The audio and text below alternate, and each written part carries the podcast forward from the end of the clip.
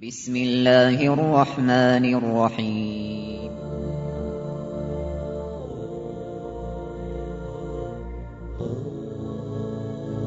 الرحمن العزيز الرحيم القوي السلام الكريم العظيم البصير العليم الحكيم الجبار.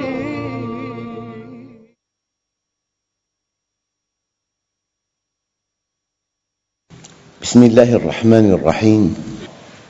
الحمد لله رب العالمين. والصلاة والسلام على سيدنا محمد الصادق الوعد الأمين.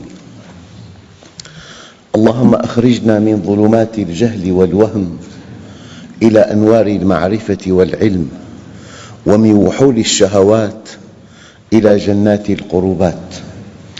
أيها الإخوة الكرام لا زلنا في اسم المتعال. وحينما نقول تعالى الله أي تنزه عن كل نقص. فإذا أردنا أن نطبق هذا المعنى أردنا أن نطبق هذا المعنى فيما يخص المؤمن فما المعاني التي يمكن أن نستفيد منها في هذا الاسم؟ بادئ ذي بدء؟ المؤمن يجب أن يتعالى عن كل نقص في إيمانه. لذلك المؤمن ينبغي أن يعلم ما ينبغي أن يعلم بالضرورة. والدين واسع جدا.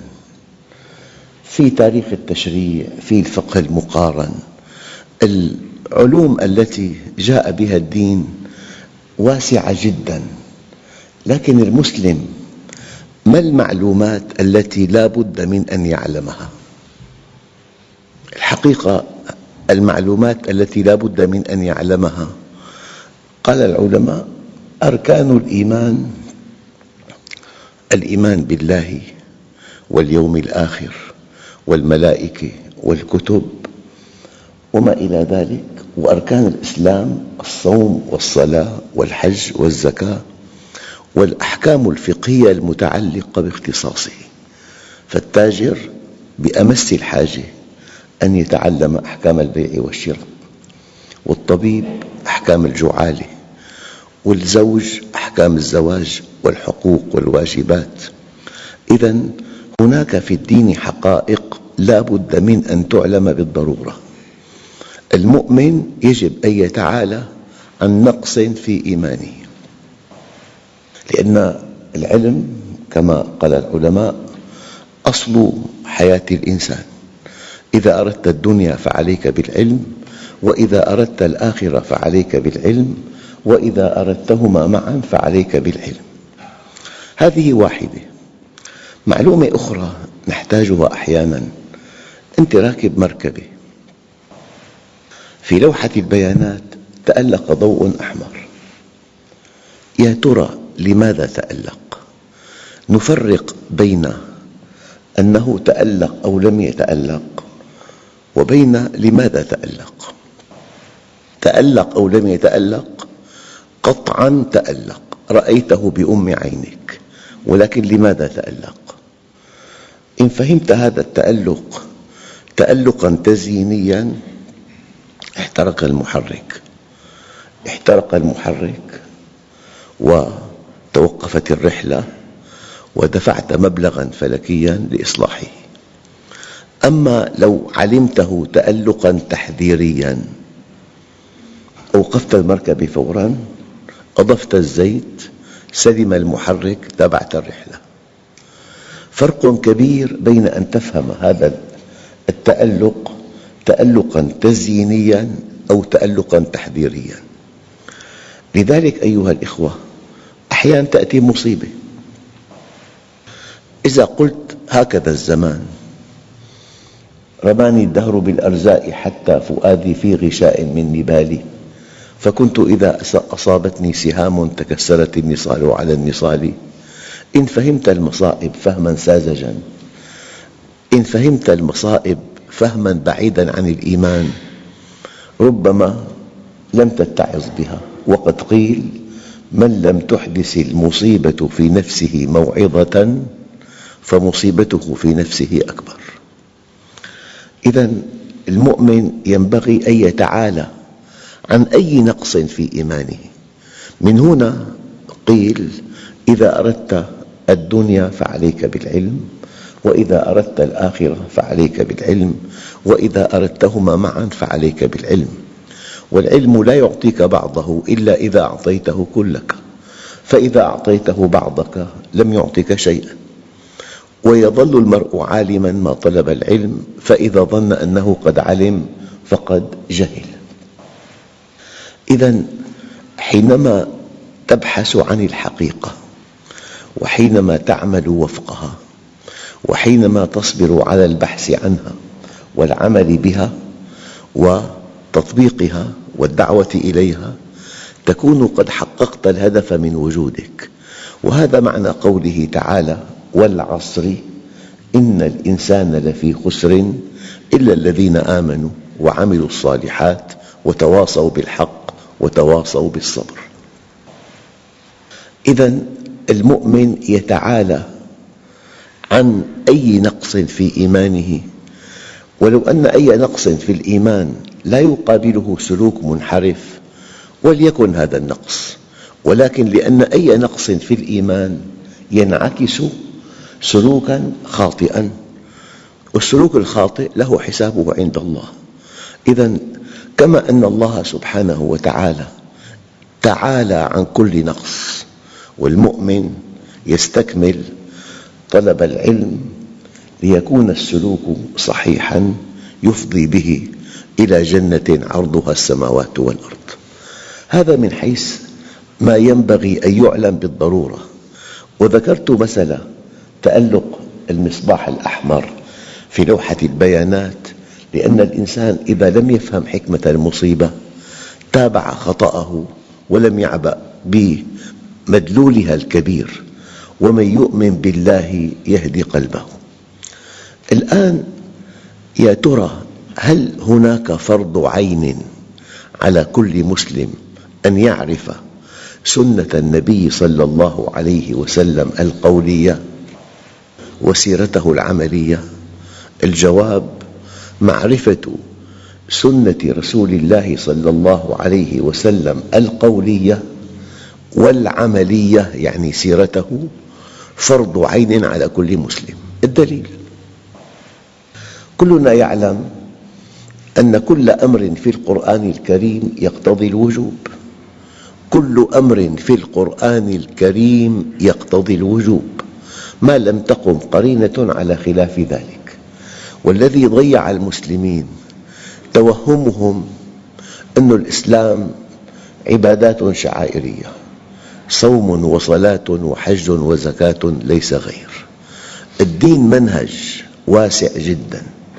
أنا لا أبالغ قد يصل إلى خمسمائة ألف بند يبدأ هذا المنهج بالعلاقات الزوجية وينتهي بالعلاقات الدولية.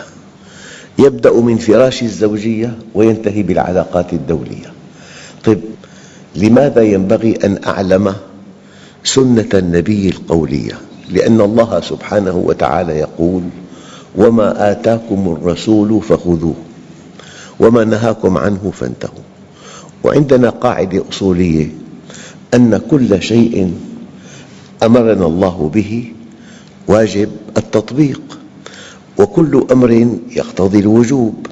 وها قد أمرنا أن نأخذ ما آتانا النبي وأن ننتهي عما عنه نهانا. فبربكم كيف نأخذ ما آتانا؟ وننتهي عما عنه نهانا. إن لم نعرف ما الذي آتانا وما الذي عنه نهانا. دائما هذه القاعدة ما لا يتم الفرض إلا به فهو فرض وما لا تتم السنة إلا به فهو سنة وما لا يتم الواجب إلا به فهو واجب. أرأيت إلى الوضوء؟ إنه فرض لأن الصلاة وهي فرض لا تتم إلا به. أرأيت إلى الوضوء إنه فرض لأن الصلاة فرض لا تتم إلا به فالقاعدة ما لا يتم الفرض إلا به فهو فرض وكل أمر في القرآن الكريم يقتضي الوجوب كل أمر من دون استثناء. إلا طبعاً إذا في قرينة تصرفه عن الوجوب كأن يقول الله عز وجل من شاء فليؤمن ومن شاء فليكفر. أي فليكفر فعل في لام الأمر. هل يعقل أن نؤمر بالكفر؟ لأن هذا أمر تهديد. وفي أمر إباحة. وكلوا واشربوا حتى يتبين لكم الخيط الأبيض من الخيط الأسود من الفجر. وفي أمر آه، ندب. وأنكحوا الأيام منكم. لكن ما سوى ذلك كل أمر في القرآن الكريم يقتضي الوجوب. فالله عز وجل أمرنا أن نأخذ ما آتانا النبي وما آتاكم الرسول فخذوه وما نهاكم عنه فانتهوا. لا يمكن أن نأخذ ما آتانا وأن ننتهي عما عنه نهانا إن لم نعرف ما الذي آتانا وما الذي عنه نهانا. إذا معرفة سنة النبي صلى الله عليه وسلم فرض عين على كل مسلم. إخوتنا الكرام حقائق الدين خطيرة جدا. معنى خطيرة يعني لها علاقة بمصير الإنسان. يعني حينما يغفل الإنسان عن سر وجوده وعن غاية وجوده وعن حكمة المصائب ربما استرسل في طغيانه. وربما استحق العذاب الأبدي. إذا ينبغي أن نعلم سنة النبي صلى الله عليه وسلم القولية. فما الذي يمنع أن يكون في كل بيت كتاب في الأحاديث الصحيحة نقرأها ونطبقها؟ هذا من لوازم معرفة أحكام هذا الدين. الآن وينبغي أن نعرف سيرته. وأقول لكم مرة ثانية معرفة سيرة النبي صلى الله عليه وسلم فرض عين على كل مسلم. الدليل. الله عز وجل حينما قال لقد كان لكم في رسول الله أسوة حسنة لمن كان يرجو الله واليوم الآخر وذكر الله كثيرا كيف يكون النبي صلى الله عليه وسلم أسوة لنا؟ إن لم نعرف سيرته. كيف كان في بيته؟ كيف كان مع زوجته؟ كيف كان مع أولاده؟ كيف كان مع جيرانه؟ كيف كان مع أصحابه؟ كيف كان في سلمه؟ في حربه؟ في حله؟ في ترحاله؟ لأن الله عز وجل جعله أسوة لنا. لقد كان لكم في رسول الله أسوة حسنة. لمن كان يرجو الله واليوم الآخر وذكر الله كثيرا. إذا تقتضي أن يكون النبي أسوة لنا أن نعرف سيرته.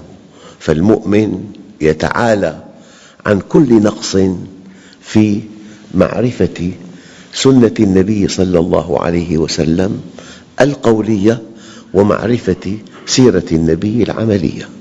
الآن هذه العبادات المسلمون في الأعم الأغلب يؤدون هذه العبادات ولكن الذي نراه أن حالهم لا يرضي وأن وعود الله في القرآن الكريم رائعة جدا وكان حقا علينا نصر المؤمنين. إنا لننصر رسلنا والذين آمنوا في الحياة الدنيا. وعد الله الذين آمنوا منكم وعملوا الصالحات ليستخلفنهم في الأرض. كما استخلف الذين من قبلهم. وليمكنن لهم دينهم الذي ارتضى لهم وليبدلنهم من بعد خوفهم أمنا. يعبدونني. وإن جندنا لهم الغالبون. ولن يجعل الله للكافرين على المؤمنين سبيلا. وعود رائعة. وكلكم يعلم أن زوال الكون أهون على الله من ألا يحقق وعوده للمؤمنين. أين الخلل؟ يجب أن يتعالى المؤمن عن كل نقص في عباداته. الصلاة. النبي عليه الصلاة والسلام سأل أصحابه من المفلس؟ قالوا من لا درهم له ولا متاع. قال لا. المفلس من أتى بصلاة وصيام وصدقة وقد ضرب هذا وشتم هذا وأكل مال هذا فيأخذ هذا من حسناته وهذا من حسناته فإذا فنيت حسناته طرحوا عليه سيئاتهم حتى يطرح في النار. هذا الحديث خطير حديث مركزي مفصلي. أنت حينما تصلي ولا تستقيم على أمر الله لا قيمة لهذه الصلاة. لا يمكن أن تقطف ثمار الصلاة إلا إذا سبقتها استقامة والتزام فالمؤمن يتعالى عن كل نقص في فهمه للعبادات. يؤتى برجال يوم القيامة لهم أعمال كجبال تهامة يجعلها الله هباء منثورا. قيل يا رسول الله جلهم لنا. قال إنهم يصلون كما تصلون ويأخذون من الليل كما تأخذون ولكنهم إذا خلوا بمحارم الله انتهكوها. لذلك مليار وخمسمئة مليون مسلم لا وزن لهم في الأرض. ليست كلمتهم هي العليا ليس أمرهم بيدهم. للطرف الآخر عليهم ألف سبيل وسبيل. لماذا؟ لأن أمر الله هان عليهم فهانوا على الله. فالمؤمن يتعالى عن أي نقص في عباداته. هذه الصلاة. فماذا عن الصيام؟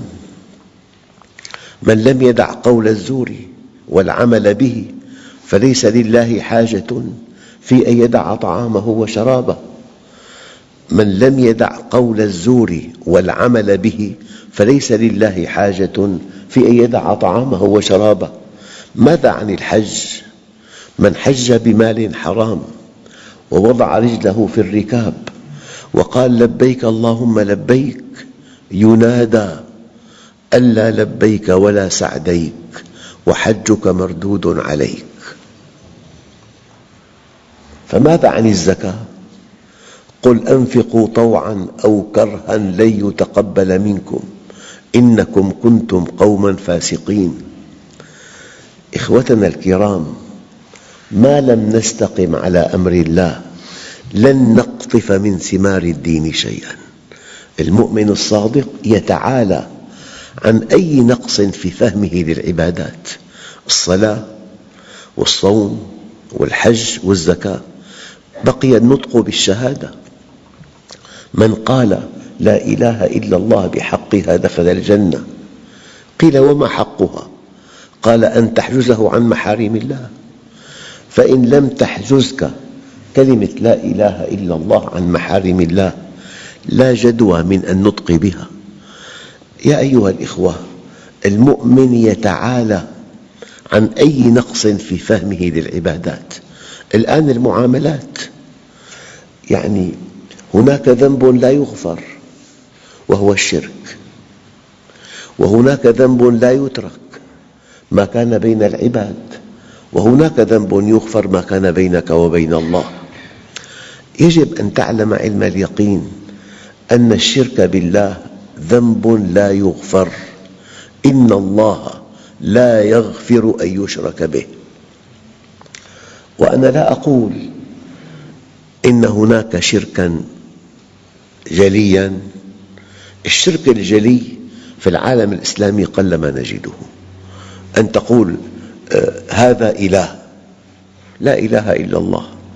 لكن الذي يخشاه النبي عليه الصلاة والسلام الشرك الخفي. أخوف ما أخاف على أمتي الشرك الخفي. الخفي. أما إني لست أقول إنكم تعبدون صنما ولا حجرا ولكن شهوة خفية وأعمال لغير الله. وما يؤمن أكثرهم بالله إلا وهم مشركون. وما يؤمن أكثرهم بالله إلا وهم مشركون. والشرك أخفى من دبيب النملة السمراء على الصخرة الصماء في الليلة الظلماء. إذا ينبغي أن أكون موحداً وما تعلمت العبيد أفضل من التوحيد يعني للتقريب. كيف أن الله سبحانه وتعالى لا يغفر أن يشرك به؟ يعني إذا توجهت لغير الله غير الله مفتقر إلى الله ما عنده شيء يعطيك إياه؟ لذلك أخطر شيء في الدين التوحيد. وما تعلمت العبيد أفضل من التوحيد. النقص في التوحيد خطير جدا بل خطره مستقبلي بل خطره مصيري. من هنا يقول الله عز وجل إليه يرجع الأمر كله. فاعبده وتوكل عليه. ما أمرك أن تعبده؟ إلا بعد أن طمأنك. ما لكم من دونه من ولي ولا يشرك في حكمه أحدا. فاعلم أنه لا إله إلا الله. أيها الإخوة بالمناسبة لو أن الله قبل من عباده اعتقادا تقليديا لكان كل الخلق ناجين عند الله. لكن الله سبحانه وتعالى لم يقبل من عباده إلا اعتقادا تحقيقيا. والدليل فاعلم أنه لا إله إلا الله. فاعلم أنه لا إله إلا الله. الاعتقاد الذي يقبله الله عز وجل هو اعتقاد بني عن بحث وإيمان وتحقيق وتدقيق. أما الاعتقاد التقليدي هذا لا يقدم ولا يؤخر. وهذا يسوقنا إلى تعريف العلم. العلم علاقة بين شيئين أو بين متغيرين مقطوع بصحتها يؤيدها الواقع عليها دليل. لو ألغيت الدليل لكان هذا العلم تقليداً والتقليد في العقائد لا يقبل. فاعلم أنه لا إله إلا الله. ليست الآية فقل لا إله إلا الله فاعلم. لأنه لو قبل الله التقليد في العقيدة لكانت كل فرقة ضالة ناجية عند الله عز وجل لأن أفراد هذه الفرقة قلدت رأسها الذي قال كذا وكذا. إذا أنت بحاجة ماسة إلى التحقيق والتدقيق والبحث والدرس في العقيدة. إذا التوحيد يحتاج إلى جهد وما تعلمت العبيد أفضل من التوحيد آه، وهو الذي في السماء إله وفي الأرض إله فعال لما يريد. الفهم الدقيق للتوحيد أحد أسباب النجاة من عذاب الله عز وجل. أيها الإخوة المؤمن إذا آمن باسم المتعالي هو يتعالى عن الظلم لأن الظلم ظلمات يوم القيامة. يا عبادي إني حرمت الظلم على نفسي وجعلته محرما بينكم فلا تظالموا. هذا الذي يظلم لا يعرف الله عز وجل. لو علم علم اليقين أن الله سيحاسبه حسابا دقيقا لما ظلم. هناك ظلم يبدأ في البيت. كم من زوج يظلم زوجته؟ وكم من ابن يظلم أباه؟ وكم من أخ يظلم أخاه؟ وكم من رب عمل يظلم موظفا عنده؟ فحينما يكون ظلم في المجتمع يتخلى الله عنا والدليل. قول النبي صلى الله عليه وسلم إنما تنصرون بضعفائكم. هذا الضعيف إذا أطعمته إن كان جائعاً كسوته إن كان عارياً علمته إن كان جاهلاً آويته إن كان مشردا أنصفته إن كان مظلوما آه، عالجته إن كان مريضا. يتفضل الله على من أعانه بمكافأة من جنس عمله.